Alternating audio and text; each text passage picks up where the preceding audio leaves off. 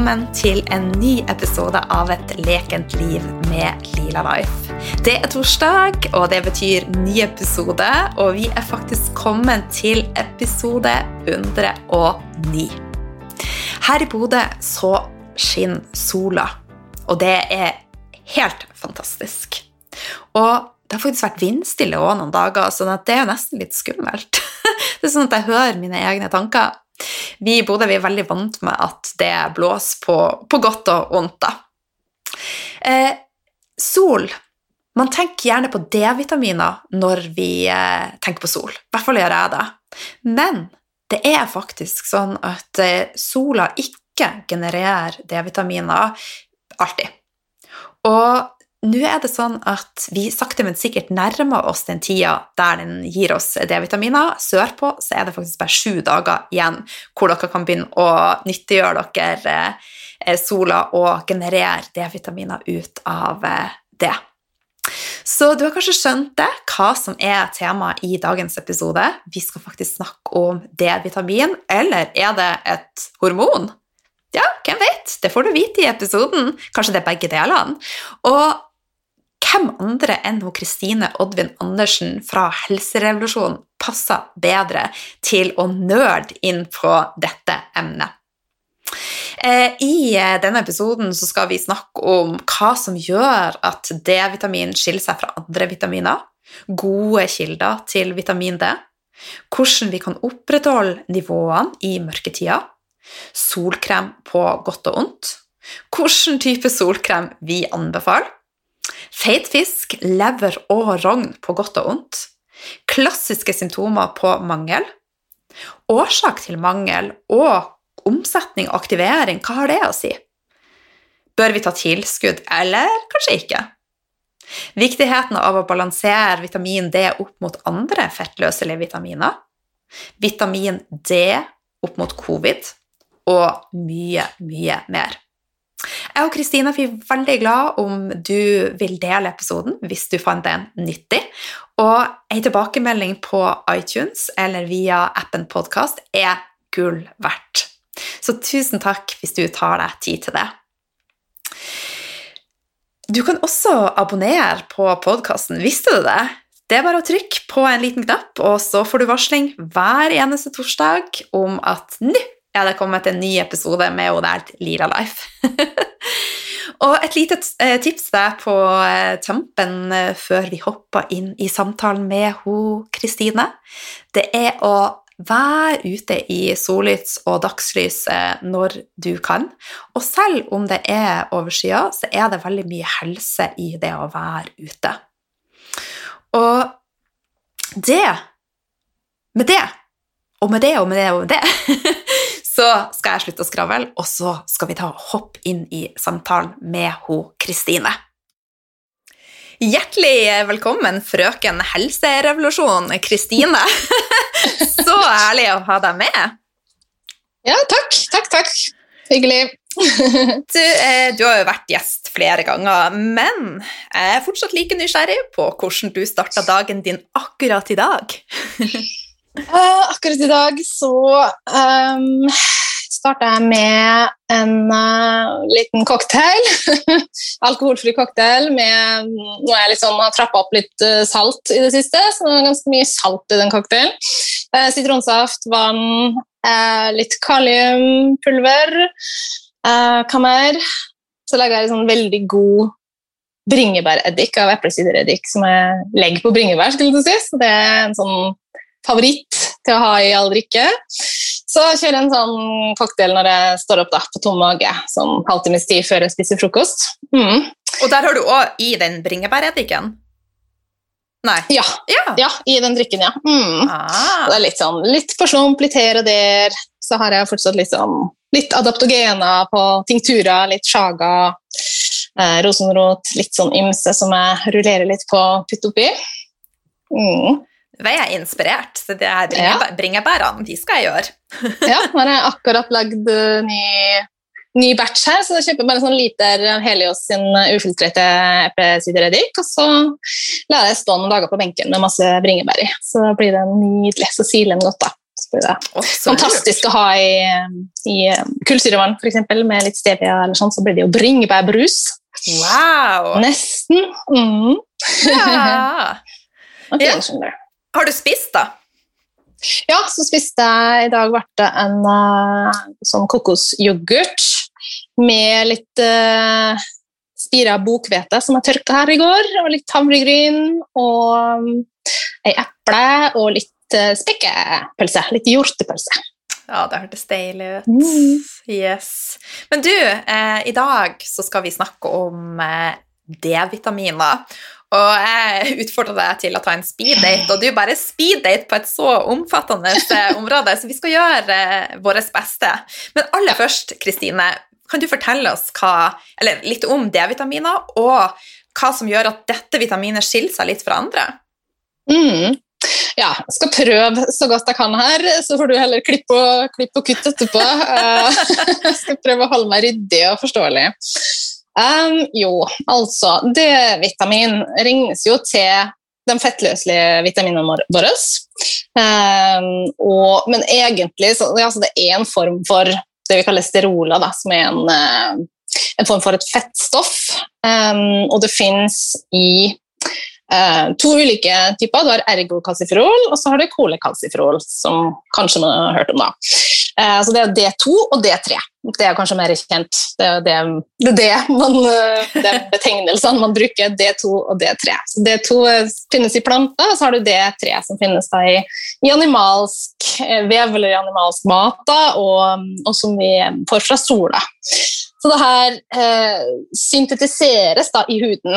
Eh, huden eksponeres for UVB-stråling fra sola, eh, og så eh, danner det da et prehormon, kan du si, i huden, i hudcellene.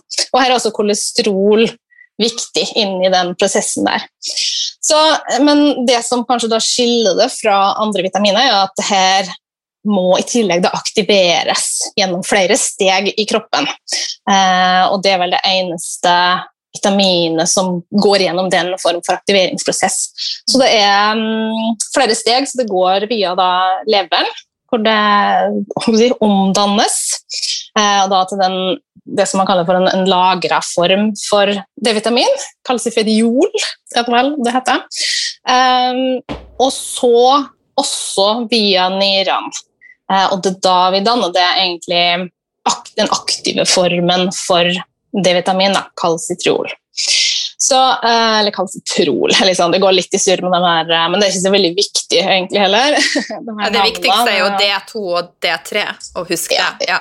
Ja, og, men også for så vidt, det er for så vidt viktig at det må aktiveres. da.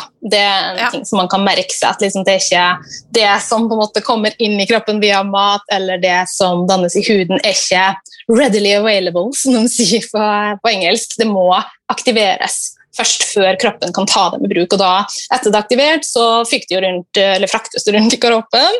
Eh, og så har jo eh, cellene i kroppen vår så å si overalt egentlig i kroppen, har jo da de her eh, VDR, eller de eh, eh, D-vitaminreseptorene, da. Så eh, Og den her, det som er litt viktig, det er sikkert tipper vi kommer tilbake til at det etter hvert, men den her konverteringa, eller den her transformeringa inn til aktiv form, det er noe som enzymer tar seg av, og der er eh, magnesium veldig viktig. Og Det kan vi sagt komme mer tilbake til etterpå, men det er et sånn viktig poeng, i hvert fall i min da, tolkning og min oppfatning og mine meninger omkring det her med D-vitamin. Og Det er viktig også da i forhold til det her med tilskudd og ikke tilskudd, f.eks. Så, så jeg kan komme litt mer tilbake til det, men det som er litt greia, er at det er aktive formen for D-vitaminet, det, det kan du si det fungerer som et hormon. Altså en, en kjemisk budbringer på en måte i kroppen, så, det, så der også skiller det seg jo da eh, en del fra kan du si, andre vitaminer. Eh, så noen ser jo på eh, vitamin D som vitamintilskudd. Noen velger å kalle det for hormonterapi. Så det er jo på en måte en litt sånn ja, toppen av isfjellet kanskje når det kommer til Det er jo ikke akkurat konsensus omkring det her med vitamin D. Det er fortsatt litt sånn Mm. Jeg tror det kanskje er en del vi ennå ikke helt vet, og det, er- det er i hvert fall ikke enighet, for å si det sånn.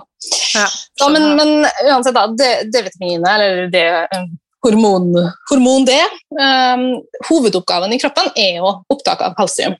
Uh, fosfor for så vidt også, men primært opptak av kalsium i tarmen. Og det er jo viktig for sånn, beinbygning, og sånt, er derfor man ofte da eh, finner D-vitamintilskudd og kalsiumtilskudd sammen. Fordi D-vitamin er liksom den viktige aktive komponenten for å sørge for at kalsium blir absorbert i tarmen. Så, så ser det jo ut til at det også da spiller en rolle for en rekke funksjoner i kroppen. At det spiller inn i forhold til immunforsvaret, hjerte-karsystem, muskler, respiratoriske systemet osv. Så, videre. så uh, hormon D, som jeg har etter hvert blitt vant til å kalle eller vitamin D, er absolutt veldig viktig. Har absolutt viktige oppgaver i kroppen, kroppen vår. Det er veldig, er veldig potent, et veldig potent stoff. Ja. Mm. Hvis man har manko, da, eh, vil det altså, De vil jo gi symptomer, det skal vi komme tilbake til, men vil det også påvirke de andre hormonene i kroppen vår og gjøre at vi kan komme mer ut av hormonell balanse? Jeg har lyst til å si ja, ja. Eh, i den forstand at eh, på en måte, det, Ja, så komme litt mer tilbake til det, men altså det her med det at det, det at det, det at vitamin D oppfører seg som en hormon, er jo absolutt noe som har litt flere implikasjoner her enn bare det kanskje, som gjelder kanskje for et hvilket som helst vitamin.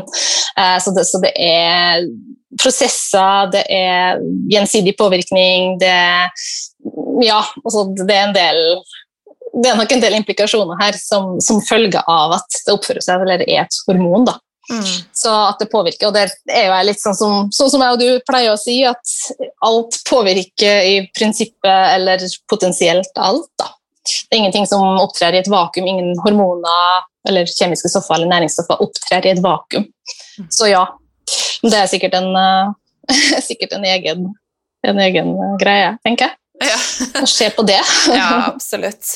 Men du, mm. eh, du har jo nevnt sola som en god kilde til D-vitaminer. Er det andre gode kilder? Sol er jo helt klart den beste kilden, vil jeg si. Eh, men ja, det er jo andre kilder. Eh, du finner jo da vitamin D, eller i form av vitamin D3, i animalsk mat. Du finner det jo, Vi hører jo mye om feit fisk eh, og sjømat. Man finner det i eggeplomme. Man finner det også i smør, spesielt fra dyr som Eh, gressfôra, altså har fått sin naturlige fôr, sammen med kjøtt også. Beitefôra kjøtt, eller kjøtt fra beitefôra dyr. Sunkissed food, er det noen som velger også å kalle det. Å, det var fint, da. Ja, ja. Når, når, når eh, både planter og dyr blir eksponert for sollys, så genereres det og dannes det jo vitamin D. Sånn at, eh, så vi kan få det via via også. Det er jo egentlig bare en via den maten. Så sol er absolutt mest effektivt. Eh, jeg er veldig glad i sol. Liker å snakke om sol. Jeg syns sol er undervurdert og demonisert. Så sol, men også mat, ja. Og jeg tror jo begge deler har vært viktig for oss her nord. For her har vi ikke, får vi jo ikke D-vitamin fra sola året rundt, på en måte. Så ja. Det er så sant. Jeg satt og så på eh, kamerarullen min i går for at jeg syntes det var veldig mye syting sørpå for at stakkars dere hadde snø. Så måtte jeg se mm. tilbake til i fjor, og vi hadde jo snø til i midten av juni, og det lava ned fortsatt eh, 17. mai. Eh, og jeg tenker det er jo begrensa med solen man får, eh, og hva gjør vi da? Altså, Hva kan vi gjøre i mørketida, eh, og spesielt når den varer da i en evighet? Mm, ja, nei, altså Man har jo den, den app som heter Deminder. Der kan man jo gå inn eh, og se når det er mulig å få Du logger jo på en måte inn breddegrad skulle du si, og lengdegrad, eller hvor du på en måte befinner deg, og så regner jo den da ut når det er mulig å få vitamin D fra sola, for det har jo noe med vinkelen på sola å gjøre. da. Eh, så jeg tror her i Oslo så er det vel fortsatt ei eh, uke eller to til vi får noe vitamin D fra sola. Får ikke det ennå, selv om sola tar godt, men det er ikke noe vitamin D å få. Eh, sånn at, men jeg tenker det vi tradisjonelt har gjort her, er jo da nettopp å spise veldig mye vitamin D-rik mat på, i mørketida. Mm. Altså, Vi skal ikke så veldig mange generasjoner tilbake før det var sild tre ganger i uka. mye, sant? Spesielt med kystene. Mye, mye um, fiskemat, eh, rogn, lever, sånne ting. Som gjorde at vi også fikk eh, påfyll av vitamin D også når vi ikke kunne få noe fra sola. Så det bor jo mennesker det har, alltid, eller det har lenge bodd mennesker langt nord, for å si det sånn, og det har jo gått fint. så i hvert fall så fremt at det har vært god tilgang på mat. da. Ja, men en ting som har endra seg, er jo også da kvaliteten på disse produktene. For det er jo ja. vidt et problem at det inneholder mye tungmetaller. Hva er dine tanker mm. om det, da? Ja, nei, det, det, er jo absolutt ikke uproblematisk, og det er litt sånn vanskelig. Enten det er snakk om da anbefalinger i forhold til mat, eller anbefalinger i forhold til fiskeleverolje, som også, eller tran, som vi har kalt det. Der det er på grunn av at vi har si, skjete i matfatet vårt over litt for mange mm. generasjoner nå, og det har akkumulert seg såpass mye tungmetaller, så, så er det et uh, problem både i mat og da i det, det hoper seg jo gjerne opp i leveren. og den eh, Tran og, og fiskeleverolje er jo da laget fra nettopp fiskelever. Sånn at, um, så den må jo renses, og da mister man jo også de naturlige uh, A- og D-vitaminene som egentlig er der, fordi de ikke tåler den renseprosessen. Og så er spørsmålet pest eller kolera, på en måte. Skal man da, sant? Hvordan skal man velge? Um, så jeg tenker litt sånn at uh, oss, altså nivåene våre eh, av næringsstoffer er også noe som beskytter oss fra toksiner og tungmetaller. sånn at det er klart Du vil jo alltid få en viss eh, oppveiingseffekter, men jeg vil jo ikke anbefale å gå bananas med feit fisk, f.eks. Vi spiser ikke veldig mye feit fisk hjemme hos oss, f.eks. Eh, og også oppdrettsfiske også noe vi i veldig stor grad unngår. Eh, og den inneholder jo mindre også, sant, pga. fôr og sånne ting, så inneholder jo den veldig mye mindre vitaminer den også enn villfisk. Sånn at det, det, er ingen, det, er ingen, veldig klar og tydelig sånn eh, Ja, sånn kan man gjøre, eller så jeg tenker tenk litt alt med måte, men altså spis litt. Eh, og så tenker jeg også at en torskeleverolje som er skånsomt rensa, er en god eh, substitutt eller et godt supplement for å få inn av D-vitamin. Eh, og da gjerne en som, ja, som sagt er skånsomt rensa og helst har de naturlige vitaminene mm. intakt. Mm. Eh, og det er ikke så veldig mange, dessverre. Det er ikke Møllerstrand, for å si det sånn. Der er det rensa, så er det tilsatt vitaminer i etterkant, og da også gjerne tilsatt i en litt annen ratio enn det som opprinnelig var der. sånn at du Plutselig har fjerna en del av A-vitaminet, for det tenker man at man skal være forsiktig med, og så har man tilsatt mer, desto mer D-vitamin. Så kan man jo lure på om det er lurt, eller ikke. jeg er litt ja. i tvil. Ja. Mm.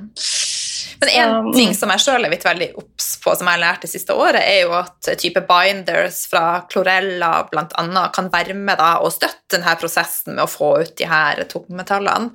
Så det mm. er jeg veldig obs på når jeg spiser fisk, at da tar jeg godt med klorella eh, noen timer mm. etter. da.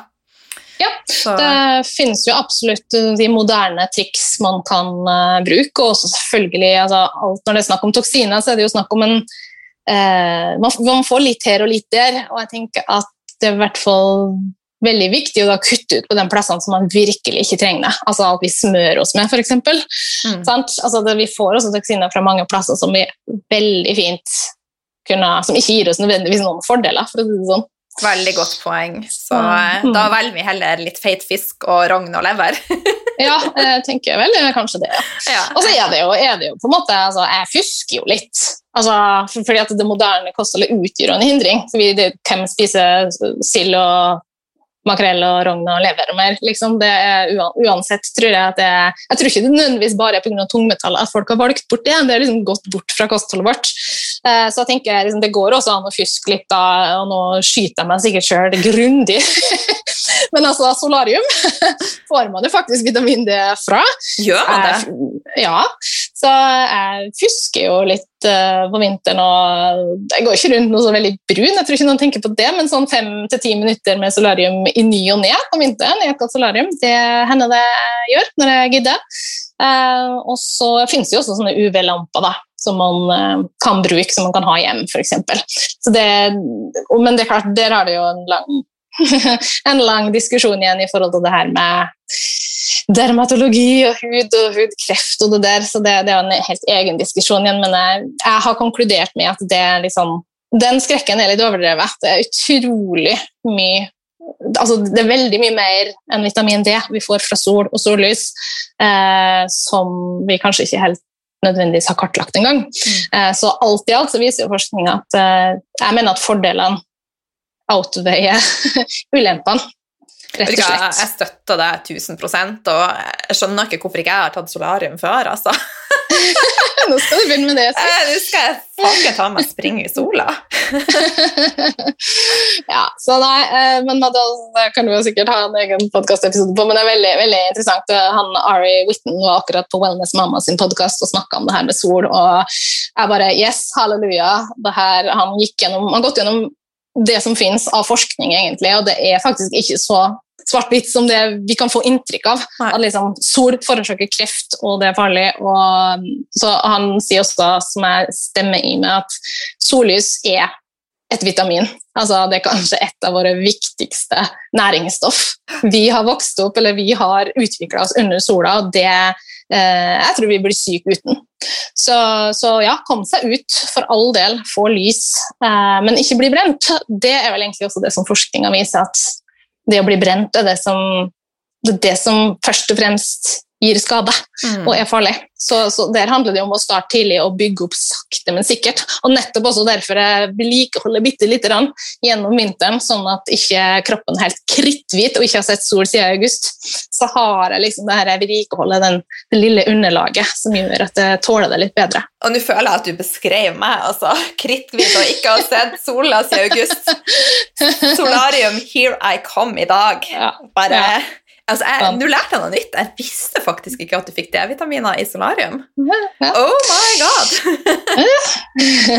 Men du, da kan det passer det jo bra å hoppe til det med solkrem. For mm. eh, veldig, veldig mange er jo redd for sola og polstrer mm. seg i solkremer altså før de stikker stortåa ut av døra. Så hva, mm. fortell oss litt om det. Ja, det er jo noe som er aktivt motarbeider. Det, som sagt, altså jeg mener at, jeg mener at hvis, man, hvis, man, setter seg ned og tar for seg forskninga som finnes, så vil man finne at den er litt mer sprikende enn det man får inntrykk av. Uh, og som sagt, uh, det er utrolig mange uh, fordeler ved å få det lyset. Og sakte opptrapping er utrolig viktig. det er Eh, jeg tror vi er litt for raske, både med solbriller som jeg, altså jeg går rundt nå på våren og liksom har lyst til å angripe folk og rive av dem solbrillene. uh, men, sånn, ok, Vi har vært inn en, en, lang vinter. Vi har som sagt ikke sett sola siden august-september. Uh, og har ikke sett lys. Vi har bare hatt liksom, kunstig lys, og mange sitter inn på kontoret sant, den lille tida at er sola er fram, da på den mørketida. Og så skal vi ut, og sola kommer tilbake, og så tar vi på oss solbriller. Og da blir jeg sånn Nei, nei, nei. Nei, nei, nei. Altså, nå må vi tenke, nå må vi stå på tenk. liksom. Mm. Greit, selvfølgelig ha med solbrillene og gjerne solkremen i backup. Vi, vi, vi, skal ikke få vondt i øynene, vi skal ikke bli brent, men å, vi trenger lys. Og retinene, altså øynene våre, trenger også lyset. Altså, det er også kjempeviktig mye som foregår der vi får lys på øynene våre. Mm. Så det er ikke bare huden, men også øynene, som egentlig er det eneste organet sånn sett, i tillegg til huden, da, som, som, er eksponert for verden rundt oss direkte. Så der er det masse magi som skjer, rett og slett. Eh, for mye til å gå inn på her, men, men ja. Så eh, solkrem, selvfølgelig, ha i backup. Ikke bli brent, men oppsøk heller kanskje skygge og bruk lette klær. Eh, vær eh, liksom obs eh, og, og, kjenn etter. Kroppen har det magiske eh, signalsystemet som forteller oss at nå begynner det å bli nok sol. Sant? Så det er liksom noe med å lytte og kjenne etter. Og hvis du da velger solkrem, så selvfølgelig velg et med fysisk filter, ikke, ikke nano, som det heter, altså ikke nanopartikler i denne da, som er sånn fysisk filter. og Det er det som blir sånn hvitt på huden. Ikke bruk kjemisk filter. Jeg tror vi har skapt utrolig mye skade på, gjennom si, 70-, 80- eller 80- og 90-tallet, i hvert fall, og sikkert tidlig 2000-tallet også, med dårlig solkrem med kjemisk filter og parfyme og skit og lort, ja. som vi har bare grilla huden med de her kjemikaliene ikke noe tro på at det, det, nødvendigvis bare har vært positivt.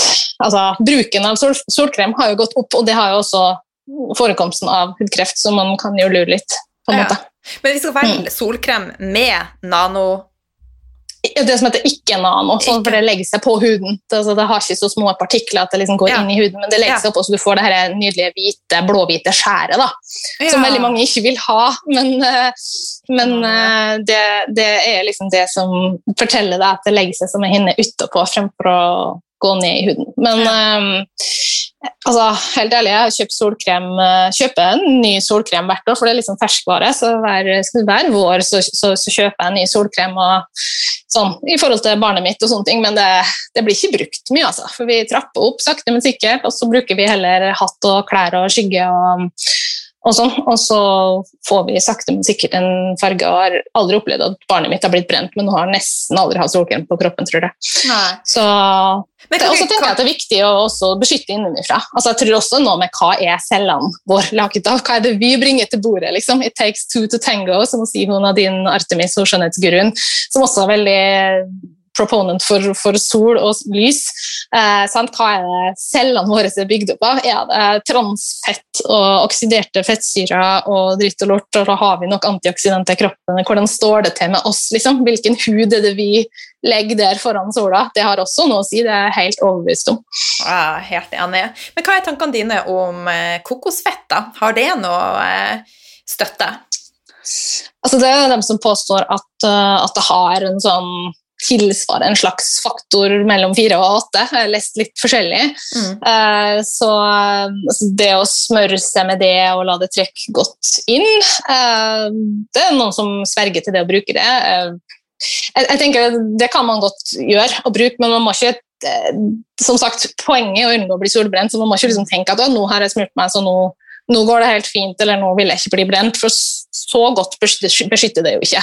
Og man kan heller ikke på en måte egentlig si altså, Solfaktor er et, eh, et, et, et, eh, en, eh, et konstruert begrep som er, som er lagd av måte, hudpleieindustrien, sånn at du får ikke du, du kan ikke egentlig sette en solfaktor på et naturlig produkt på den måten, egentlig. Så akkurat hvor mye det beskytter, det er vanskelig å si. Og så har det jo mye å si hvilken hud vi har. Ja. Sant? Vi har denne skalaen. Sant? Vi er jo relativt langt ned på den i forhold til hvor mye pig pigment vi har i huden og hvor, hvor mye sol vi tåler. Så er vi et stykke ned på den. Vi, sånn at vi tåler ikke like mye sol som noen som har mørkere hud, f.eks. Men så tar vi også da bedre opp vitamin D. De som har mørkere hud og mer melanin, må da ha mer soleksponering for å lage tilsvarende mengde vitamin D. Ja, godt poeng. Så det kan jo være et problem for, for dem som kommer lenger sørfra og har mørkere hud og flytter til nord. Mm, så det er noe å være obs på. Ja.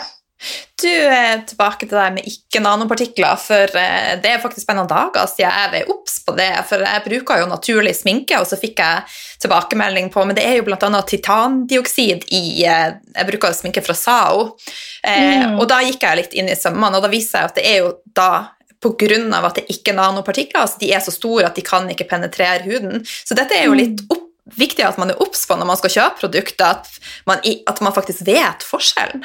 Hvis ikke så kan Mm. man bli lurt til at ah, nei, men det er jo også kjemisk, og det er dårlig.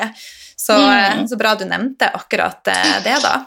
Ja, nå skal sies at Det er en stund siden jeg leste meg opp akkurat den biten der, så det er godt hende at det, her er det andre ting som har kommet. og sånn, men det, er fall, det siste jeg hørte, var i hvert fall at det er i hvert fall en viss forskjell på det med nano og ikke nano. Så har jeg lest en del debatter frem og tilbake, men, men uansett, så det å velge en så naturlig solkrem som mulig da, med minst mulig minst mulig velge fysisk filter fremfor kjemisk, tror jeg er en Logisk sett så tror jeg det er en god idé. Mm. Men, men jeg skal nok si at jeg er innerst inni så det er liksom ja, altså, Jeg er ikke noe fan, jeg er ikke noe kjempefan av å drive og smøre på solkrem som en sånn forebygging uansett. Altså, så klart Vet du at du skal være mange timer ut i sola uten å ha noen mulighet for å beskytte, så det er klart da er det et kjekt redskap å ha, Ja. et kjekt verktøy å ha, men, men det er litt sånn Det frarøver Nadine Artemis snakker jo mye om det, det frarøver jo på en måte også D-vitamin, og det frarøver jo på en måte det å få sol på huden, og det, det ja, det, ja, Nei, det er ikke helt sikkert at vi har helt kontroll på akkurat hva det, hva det gjør og ikke gjør, egentlig. Nei, noen Så- ganger så trenger man jo bare La oss si hvis jeg går på en dagstur ute på fjellet eh, og har på meg singlet, så er jo skuldrene, nesen og brystet det er jo sånne typiske plasser man Ja. blir brent. Så da mm. syns jeg det er greit å ha et naturlig alternativ som man kan i hvert fall mm. smøre på etter hvert. da. Og ja, da ja, får vi skille pest fra kolera, og så tar vi det beste. Ja, ja, ja, ja da. Vi, vi, vi, vi, sikter ikke på, på, optimalt, vi sikter på ganske bra. Ja, ja det får vi gjøre. Men du, sånn, eh, på generell basis eh, så er det jo veldig mange som har lave nivåer av D-vitaminer. Og jeg var nettopp hos, hos legen, og Kristian vet ikke om jeg sa det, men eh, du kommer sikkert til å få sjokk nå når du får høre verdiene mine. De var på 35.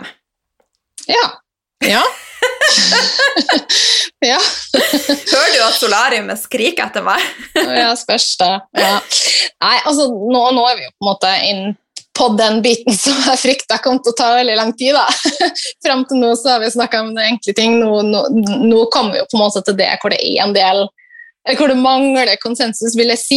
Og det finner man jo fort ut ved å ta kjapp, et kjapt nettsøk. Så vil man jo finne dem som sier at omtrent eh, høye nivåer av D-vitamin er viktig for alt og beskytter mot alt osv. Og, så og så finner du dem som, uh, som, viser til annen forskning som sier at nei da, det er ikke så sikkert og det er veldig overvurdert, og det kan rett og slett også kanskje være skadelig eller farlig. sånn at um, ja, det, der blir det nesten litt sånn der, der må man nesten lese opp sjøl og finne ut hva man tror på. Det Av og til så kommer man liksom dit at man faktisk må Det er ikke så godt å si. For det, det er forskning som viser både det ene og det andre, eh, vil jeg si. Eh, så, så det handler om å egentlig se litt mer med lupe. Lete litt mer med lupe. Fordi det, det jeg tenker er sånn mangel, da. Eh, det kan jo selvfølgelig da skyldes manglende tilførsel, sånn som du nå som ikke har sett sola siden august. sant? Mm. Ok, da har du, og Så spørs det hva har du fått via maten osv. Hva har du fått eventuelt via tilskudd. Eh, så tilførsel er liksom første steg. Eh, og så har du jo opptak, og så har du jo konvertering og aktivering, som sagt. Så det som jeg ser, og flere med meg for så vidt, da ser på som litt av problemet, er at vi har veldig mye eh, liksom, fokus på det, her, det første punktet, med tilførsel. Så hvis du nå går til legen og sier at Oi, du har lave verdier, så du har nok mangel på tilførsel, så du må tilføre mer, da gjerne, får du gjerne anbefalt tilskudd, ikke sant. Eh, fordi maten har lite, og sola er farlig. Ja. Sånne ting, så da er det tilskudd gjerne du får anbefalt. Eh, men så er jo spørsmålet kan det være at problemet ligger på andre plasser her. Kan det handle om opptak eller konvertering, aktivering. Som sagt, denne aktiveringa krever jo da eh, enzymer som igjen er avhengig av andre stoffer og kofaktorer, bl.a. magnesium, som er kanskje særlig viktig i forhold til eh, vitamin D. Eh, men det ses jo lite på. Ja. Så la oss si da man bor i Bodø, og det er mørketid, og man er stressa, og man trøstedrikker, så er løpet rett og slett nesten kjørt. Nei da, løpet er aldri kjørt. Neida, men det er i hvert fall et dårlig utgangspunkt for å da ta tilskudd og forvente at det skal bli bedre. For at ja, da har du et altså, dårligere næringsopptak, og du har kanskje ei lever som ikke fungerer som den skal, og nyrene er under stress. Ja, og så har jo alle, vil jeg nesten sånn si, som en sånn generalisering, at alle trenger jo mer magnesium. Nesten alle så å mm. si har suboptimale nivåer av magnesium, som er da kjempeviktig for den aktiveringa og også for så vidt transport av det her aktive eh, det hormon D ut til reseptorene i kroppen. Og så har du jo selvfølgelig også sånne ting som kommer inn som, som genetikk, da, såkalte snips eller eh, genmutasjoner, som igjen også kan hos noen, hvis de har eh, mutasjoner da, i VDR-genet, altså de genene som har med vitamin D-reseptorene å gjøre, så kan det også være at man ja, har problemer der, rett og slett. Eh, og at, det, at, problemet ligger der. Så, eh, men uansett så vil jeg si at vi ikke skal være så raske til å tenke at løsningen nødvendigvis ligger i å tilføre mer. Det må også skje få litt andre ting rundt her, og det gjør vi sjelden. Det blir det samme som med jern. Oi, du har eh, lav ferritin eller du har lave jernverdier, du må ta mer jern. Det er ikke sikkert at det er så enkelt som det fordi hvordan jern oppfører seg i kroppen, eller hvordan vitamin D oppfører seg i kroppen, avhenger også av mange andre ting. Det, det, opptrer ikke i et vakuum.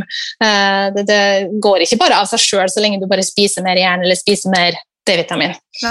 Så, så, så, enkelt er det ikke. Og jeg tenker, sånn som I Australia da, der har de høy forekomst av hudkreft, men så har de også fryktelig lav vitamin D. Ok, er det noe som skurrer her? Sant? Um, og så klart, du kan jo si at altså, Folk er mer inn nå for tida enn de var før. Folk bruker mer og høyere solfaktor nå enn de gjorde før. Og folk spiser mindre lever og eggplommer og beitefôr og smør og fet fisk. Og, sant? Så liksom, ja, du kan si at på en måte tilførselen er mindre, så man må jo også se på det. Men så må vi også se på okay, hvordan måles de her nivåene. Da. For det som er som jeg syns er litt interessant, er jo at vi måler denne lagra formen. Eh, som, som, egentlig er en sånn ganske inaktiv form da, eh, for vitamin D, mens den der aktive eh, hormonversjonen, som egentlig er den som virker å gi den positive helseeffekten, den måles ikke. Nei, så hvis man går til et, altså en vanlig fastlege og måler D-vitaminene, så er det den lagra, eh, de lagra nivåene de, de måler? Ja den som heter 25 OHD. Mm. Eh, så, så, så, det er jo et litt sånn tankekors, kan man kanskje si. Eh, så, eh, og så, så, er det dem som da sier at liksom, det her er jo egentlig et system som i utgangspunktet skal regulere seg sjøl sånn etter tilgjengelighet og det her, de her eh, cellereseptorene, VDR, vitamin D-reseptorene altså det, det, er også noen indikasjoner på at de kanskje øker ved mindre inntak, og at de reguleres ned ved høyt inntak av vitamin D, sånn at, at det egentlig skal regulere seg sjøl. Sånn at det stilles også spørsmål om hvis du har et vitamin D-nivå som er lavt, eller som er på 30, da, eh, er det, eh, kan, kan det være en grunn til det? Det stilles jo eller Kan det være en annen grunn enn at, du, enn at du får for lite vitamin D? Kan det være at du mangler magnesium? Kan det være at det er en grunn, altså I og med at vitamin D også da har som hoved, hovedoppgave å ta opp kalsium fra tarmen, kan det være at du har nok kalsium i blodvannet.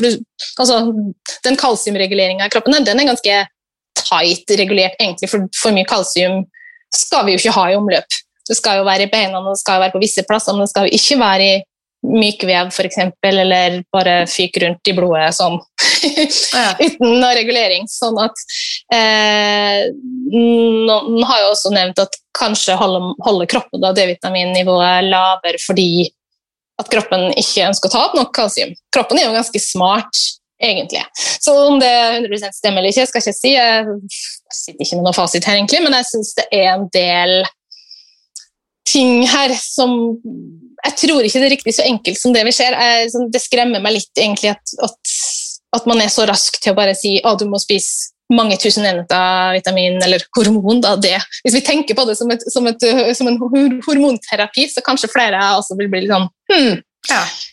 Er det bare uproblematisk, liksom? så ja. Så skal vi se um, Men da ja, så, så, så. Uh, ja. Nå avbrøt jeg deg her, men jeg tenker jo at hvis Så rett og slett Ja, det er rett og slett litt vanskelig. ja, det er rett og slett litt vanskelig. Ja, der, der sa du det. Det er rett og slett litt vanskelig, og, og, og det gjør det jo ikke da så lettere for mannen i gata når, når, når, det kan da virke som om kanskje legene har et litt vel forenkla syn på det. Uh, og det er jo sånn også at selv om en Det er ikke noe tvil om at vitamin D er viktig, at det har viktige oppgaver, uh, men det er jo sånn med alle ting at for mye av en bra ting er ikke nødvendigvis bedre. Uh, og det at en, et stoff eller hva som helst har positive effekter på kroppen, er ikke dermed sagt at det ikke kan ha negative effekter også. så det er jo i hvert fall tre utfordringer jeg ser da, med høydose separate tilskudd av bare vitamin D. og det er jo kalium. Altså, det, det, ser ut til å føre til at kalium tappes en del fra kroppen, det som heter for renal potassium wasting. Eh, det forbruker magnesium, da, for magnesium trengs som sagt i denne enzymfunksjonen og denne konverteringa mellom de ulike typene. Det, og magnesium og kalsium som vi vet, har jo en tett det er jo antagonister, eller en, en viktig sånn, um, vektbalanse der mellom dem to i kroppen. Eh, sånn at eh, tar man høye, veldig høye tilskudd av eh, vitamin D, da, så kan også det påvirke magnesiumnivået ytterligere. og Der som sagt, har mange da, i utgangspunkter kanskje litt lite. og Magnesium er utrolig viktig for veldig mange ting. hjertehelse og muskel ja, sant, i det hele tatt. faktisk nødvendig for veldig mange enzymfunksjoner i kroppen. Så um, det er et nøkkelmineral, vil jeg si, som det ikke er spesielt smart å, å få for lite av. Mm. Ikke minst i produksjon av ATP, eller altså energi i cellene. Superviktig. Og så er det det her med at vitamin D og vitamin A på sett og vis er antagonister i kroppen. sånn at får man veldig mye, eller tar man veldig mye vitamin D, så kan det undertrykke funksjonen til vitamin A, som også er veldig veldig viktig. Eh, har utrolig mange viktige funksjoner i kroppen. Vi hører lite om det. Vi er veldig sånn, at Vitamin A er fettløselig, og det er eh, toksisk og det blir for mye og sånne ting. Eh, så anbefaler jeg ikke tilskudd av det heller, men også sånn, i mat eh, så har det veldig viktige funksjoner i kroppen, ikke minst for hjerneregulering, blant annet. Så det ja, så det, jeg tenker at det er ikke bare bare å kjøre på med høydosetilskudd. Mm. Så Men jeg tenker jo ja. noe som er enkelt, eh, som i hvert fall høres enkelt ut, som vi alle bør prioritere mer, det er jo det å faktisk ro ned, puste. Og være ute. Og mm. jeg skrev i går på Instagram den første dagen det kommer til å være ti grader og sol her, så skal jeg sette meg naken i hagen og meditere. For ja. Da, ja, for da får jeg D-vitaminer, jeg får stressa ned, som gjør at jeg får et bedre opptak. Jeg får også tatt, eh, ta vare på magnesium. sånn at jeg tror av og til at vi gjør ting litt for komplisert. Eh, ja, ja, det kan du godt si. Og så er det litt sånn vi vi, som sagt, vi smører oss vi, vi, er inn og får ikke naturlig lys, vi får kunstig lys. Og så, mm. når vi skal ut, så smører vi og tar på oss solbriller og dekker oss til og, og smører oss med solfaktor 50. Eh, og så går vi til tilskudd når det nå blir problematisk. Mm. Eh, sånn at vi, liksom, vi, liksom, det er ikke den enkle veien. Altså, det, det, er ikke den naturlige veien, da, mener jeg, selv om det ikke er alt som er naturlig som nødvendigvis er det beste av alle det. Men eh, hva da med å heller se på altså, Hvordan er det vi har klart oss da, gjennom alle disse årene? Altså, liksom, solfaktor liksom, og solbriller er jo ikke akkurat noe vi har eh, altså Fred Flintstone ja, han hadde kanskje han hadde sikkert noe greier. Men altså, vi har ikke hatt det her, og vi har klart oss likevel. Eh, sånn at, og vi har ikke hatt D-vitamintilskudd. Eh, sånn at jeg prøv heller den naturlige veien først. Mm. Og så er det selvfølgelig, finnes det selvfølgelig alltid unntak. Eh, og vi ser jo nå også det her med Nå har det jo vært forska en del på vitamin D og covid. da. Eh, og Chris Masterjohn, annet, han har ph.d. i ernæring, han har jo gått gjennom alt det her, alle denne, her forskninga som har vært gjort. han var sjøl i utgangspunktet veldig skeptisk til liksom, store tilskudd av vitamin D. Ganske sånn tilbakeholden der. gikk gjennom de første fem-seks observasjonsstudiene som kom, og alle viste jo mer eller mindre en, en, en korrelasjon da, mellom D-vitaminstatus og hvordan det gikk i forhold til covid-infeksjon. Hvor bra eller dårlig det gikk. Men så vet man jo ikke da om at det er en korrelasjon, altså en sammenheng, er ikke det samme som årsak, at man vet årsaken. Eh, og vi vet at infeksjon tapper kroppen, eller senker D-vitaminnivåene. Og det går ganske fort. Og alle de her observasjonsstudiene var det jo da D-vitaminnivået var jo målt flere dager etter påvist smitte. Eh, sånn at det som han også poengterte, og som var uklart, er jo da om det er infeksjonen sjøl som fører til at D-vitaminnivået senkes og er lavt når man da først måler. Mm. Eh, for det skjer i løpet av timer, visstnok. Eh, sånn at hvis noen har, har, hatt en heftigere variant eller av andre årsaker har vært mer si, utsatt, eller at kroppen har takla det dårligere, da, så har det kanskje muligens tappa enda mer, sånn at de som klarte seg dårligst, hadde lavest D-vitaminnivå. Og så kom det også en, en, spansk studie. Det var en veldig liten studie, men det var mer en, en, en, en sånn randomisert kontrollundersøkelse da, som var med på å kanskje overbevise han om at det virka absolutt som at da tilførsel hvert fall, av høydose vitamin D når man først var blitt syk, viste seg å ha Der var det liksom signifikante funn på at det virka å eh, gjør Eller bedre outcome, for å si det sånn. Bedre mm. sjansene. Det var færre liksom, innleggelser på akutten, det var mindre dødelighet. Eh, sånn at, men, men nivåene deres var ikke målt i utgangspunktet, så det, så det, vet vi ingenting om. Dette er snakk om behandling. Så jeg tenker at man kan ikke nødvendigvis kanskje dra den slutningen at selv om det er effektivt å behandle i en akutt gitt sykdomssituasjon med et eller annet stoff i høye doser, Så det ikke dermed sagt at vi skal gå ut og ta høye doser forebyggende. Nei. Så Så det skill jo mellom det vi gjør i det daglige og i akuttsituasjonen. Ja, Mm. så jeg det at liksom, man må ikke nødvendigvis tenke at eh, oi, da skal man kaste inn på vitamin D for det beskytter. Jeg tror ikke nødvendigvis det er så enkelt som det. da. Nei. Men som sagt, altså, det her er en eh, work in progress. Jeg lærer hele tida. Jeg tror ikke jeg nødvendigvis sitter på noen fasit. Det kommer jo nye, nye ting hele tida. Justerer, justerer meg hele tida. Og Chris Mm. Justerte jo også litt. Han re revurderte standpunktet sitt litt og ble litt mer åpen da, for litt høyere dose av tilskudd, han også. Så, det, så, så man, man gjelder, det gjelder jo å være åpen for ny informasjon og ja, etter hvert som det kommer. Og så får man prøve å gjøre det beste eh, på en måte underveis. Men, men jeg, per nå, det som foreligger per nå, så, så um, er jeg liksom eh, tilbakeholden med å, med å anbefale tilskudd av bare vitamin D. Jeg tenker som sagt sol, jeg tenker mat, jeg tenker en god torskeleverolje som har både A- og D-vitamin i balanse. Eh, og definitivt ha fokus på magnesium og mineralbalanse ellers, da. Mm. Men den fiskeolja, da vil du Hvis du sjøl velger, velger du ei ufiltrert da, som har naturlig D-vitamin og A-vitamin, eller velger du en filtrert som er tilsatt? Jeg velger en eh, altså, ikke, nødvendigvis, nødvendigvis ufiltrert, men altså at den er skånsomt, skånsom rensa, sånn som den norske Rosita f.eks. Ja. har jo vært noen tilfeller der at man har funnet litt, litt vel høye nivåer av tungmetaller, da, nettopp fordi at uh, renseprosessen er, skånsom. Men det her testes jo jevnlig hele tida, og det kan, det, sånne ting kan selvfølgelig oppstå. Men, uh, men jeg, per nå så heller jeg mot det å heller få uh, den vitaminen, for jeg tenker at de er så viktige, og at de er i naturlig form tenker jeg også i et poeng. Mm. Så, mm, Ja. så jeg heller mot det Ja. i dag. Så bra. Men eh, symptomer, hva er klassiske symptomer på mangel?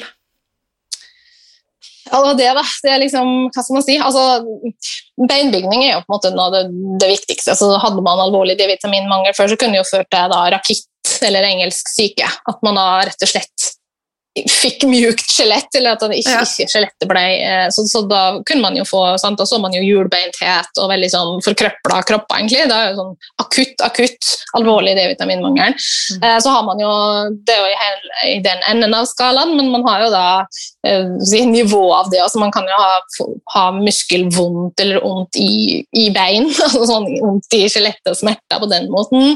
Eh, det kan gå på syke, det kan gå på um, på energi eh, og den type ting. Så liksom, hvis man på en måte gjør et nettsøk på symptomer, så vil man nok kunne finne litt forskjellig, men ganske mye av det eh, overlapper jo også med mye annet. Ja. Blant annet så kan du finne at eh, vitamin D-mangel kan gi smerter i korsryggen. Eh, men så hvis du da tar et logisk søk på bakgrunn av det vi nå vet, så vil du også finne at magnesiummangel gir de samme symptomene. Så da er spørsmålet er det vitamin D eller er det magnesium Mm. som gir eh, smertene. Så, men selvfølgelig um, det, ja, det, det, finner man jo hvis man, altså hvis man har, eh, lurer på det, så kan man selvfølgelig sjekke opp det. Om Mm. man har mangel, eh, og man kan selvfølgelig teste seg, men det er som sagt det, er det, det, lagra nivået man, man da måler. eh, Og mest sannsynlig i de undersøkelsene som da har vært gjort på å måle det aktive, så er som regel det kan være ganske mange ganger høyere enn Ja. det lagra. Sånn at det er ikke nødvendigvis dermed sagt at man trenger å ha mangel i den forstand heller. Så det går igjen på liksom, ok, hva er det med den, eh, den målinga eller den testinga. Kan man helt stole på den? Litt delte meninger. Men Mm. er det mål, er mulig å få målt den aktive formen? Ja, det, det går an. Det er mulig. Jeg vet ikke om det er noe du kan få eller kan be om eh, hvor som helst. Det kan du nok kanskje ikke. Men eh, det, er mulig, det finnes muligheter for å måle det, ja. Så ja, det, har, det, har, det har vært sjekka. Sånn. Så han, eh, blant annet han Morley Robbins, som tok jo en sånn undersøkelse på sine klienter, han er jo den mannen bak denne Root Cause Protocol, han er jo ganske ganske skeptisk mot D-vitamintilskudd, kan du si. Mm. Eh, og han tok, jo for, tok en sånn test på det og fant jo da at det aktive nivået til forskjell om de hadde en lav, et lavt nivå på, på lagra, så var det aktive opptil liksom, mange ganger eh, større. Sånn at det, det gir ikke nødvendigvis et presist bilde. Skjønner. Og så må man jo også, hvis man da nå velger å gå og gjøre litt research og sånn, så tenker jeg bare ryddig å legge til det i tillegg at man må se på målenhetene. Eh, sånn at man ikke blir forvirra, for det kan man fort bli hvis man bare leser tallene. For det måles jo gjerne her i nanomol per liter. eh, Men det er ikke det samme som om man ser hvis man leser utenlandske artikler, så kan det også være oppgitt i nanogram per eh, milliliter. Og det er ikke det samme, så da er tallene forskjellige. Er nanogram og ganges med 2,5 for å komme opp i nanomol, sånn at man, bare så man er obs på det. Hvis ikke så kan man bli helt forvirra. og det er forvirrende nok i utgangspunktet, om man ikke da skal begynne å rote med måleenheter. bare så det er sagt. Ja. Du, mens jeg husker det, har, har du sjekka hvordan human design du, energitype du er? Uh, ja, jeg har uh, sjekka Human Design, ja. Hva, fortell hva du er. Jeg må bare teste teorien min. Å ja, har du en teori om meg, altså? Ja. Eh, jeg er manifesting generator. Er du det? Mhm. Jeg trodde du kom til å skulle være prosjektor, for du er så, er så detaljert. Jeg er jo også manifesting generator, og jeg, er, når du begynner å gå i de her eh, måleenhetene og sånn, så er det sånn som jeg aldri hadde gidda å lært meg. Jeg er bare så men du- fascinert. Nei, men det, det, det skal jeg jo si at det, det er tall og egentlig må, altså dosering og alt sånt. Jeg er ikke rette person å spørre om det, egentlig. Det er, jeg er sånn, jeg er slumpeguri. Altså, jeg slump og får litt sol her og litt sol der. Spør meg hvor mye det utgjør, så liksom, det har ikke jeg regna på. For det, jeg, er jeg er også sånn som deg, egentlig, men det er klart når man da skal prøve å komme til bunns i det her med vitamin D, så, så, så må man jo faktisk nødt å, å få med seg de detaljene der. Hvis ikke så kommer man ingen vei. Nei. Så må fire litt, fire litt på det. Ja. Men du, helt på tampen, er det noe du vil tilføye om D-vitaminer? Vi har jo vært innom mye. Ja, jeg tror vel kanskje jeg har fått sagt eh, det meste som jeg mener er viktig her, som jeg hadde notert meg. Det vil jeg tro. Det ble jo lenger enn uh, Jeg vet ikke hvor lenge vi holdt på. Ja, så nei, jeg tror jeg, Hva skal jeg si? Altså det, det å, jeg føler jo på en måte ikke at jeg har kommet med noe sånn Jeg vet ikke om jeg har gjort folk noe klokere, da. Med det her Selvfølgelig har du det. Jeg vet veldig mye liksom- klokere. Ja, men altså, jeg foretrekker heller på en måte legge fram eh, det som i hvert fall det fakta eller det, det, det grunnlaget som finnes, og så jeg liker ikke å, å påberope meg å ha noe fasit så lenge jeg ikke føler at jeg sjøl egentlig sitter på det. Men, jeg- men jeg syns det er mange ting her som jeg vil at Budskapet mitt er vel kanskje at, at det, er litt mer komplisert enn som så, enn det vi kan få eh, inntrykk av. Eh, så, så jeg håper i hvert fall at kanskje at folk har fått litt å tenke på der, da. Mm. Så vitamin D er viktig, men det er en del ifs and buts langs veien, både i forhold til testing og i forhold til kofaktorer og i forhold til en hel del ting som også spiller inn. Så alt i alt Først sett min lit til naturlige før, eh, før man vurderer høydose tilskudd, i hvert fall. Herlig. Og så tenker jeg vi må bare oppfordre alle til noe, for nå slipper jeg denne episoden ganske snart, og vi, det går jo mot vår nå. Så i hvert fall jeg oppfordrer folk til å slenge klærne, og så tar de en eh, liten snap, og så tagger de meg og Kristine på, eh, på Insta, og så skriver de 'yay for D-vitaminer'. Eh, Du, mener naken nå, eller er det det du sier? Ja, det er lov å ha på seg undertøy, men eh, det må i hvert fall være sånn at vi kan få D-vitaminer. Ja, ikke sant? Ja, ja, ja. Nei, så last ned den appen Deminders. det er liksom kjekt å liksom bite, så ha det liksom svart-hvitt. Der kan man jo også selvfølgelig legge inn masse sånn øh, høyde og vekt og hvor mye man, og huden man eksponerer og masse sånn greier for å se hvor mye D-vitamin man får og sånn, men det, det, det bryr ikke jeg meg så mye om, jeg er bare egentlig interessert i å se hvilken dato jeg kan få D-vitamin og når på, når på dagen, når fra klokka når til klokka når. Det er liksom litt motiverende å se da. Kjempemotiverende. Så nå har jeg enda en app jeg må liksom forholde meg til. Jeg gleder meg! Men du, eh, helt på tampen, Kristine, hvor kan folk treffe deg? Ja, nei, det er jo på Vålerenga, det, da. Sitter vel naken i hagen, da, sikkert. Nei, eh, på um, eh, på helserevolusjon.no, eh, på Instagram og på Facebook. Eh, ja, mm, det, er vel det, det er vel det de henviser folk til nå. Ja. Mm. Og så må jeg bare oppsummere med at jeg, jeg gjorde en litt dårlig jobb med å tro at du var prosjektor, egentlig, for du er veldig lik meg på mange områder. Jeg tror det, Line. Tror du er, det sa jeg til deg de første gangene. Du, er vi er mer lik enn du tror. Ja. Ja. Yes, nei, men Tusen takk eh, for tida di. Det setter jeg og lytterne veldig stor pris på. I like måte.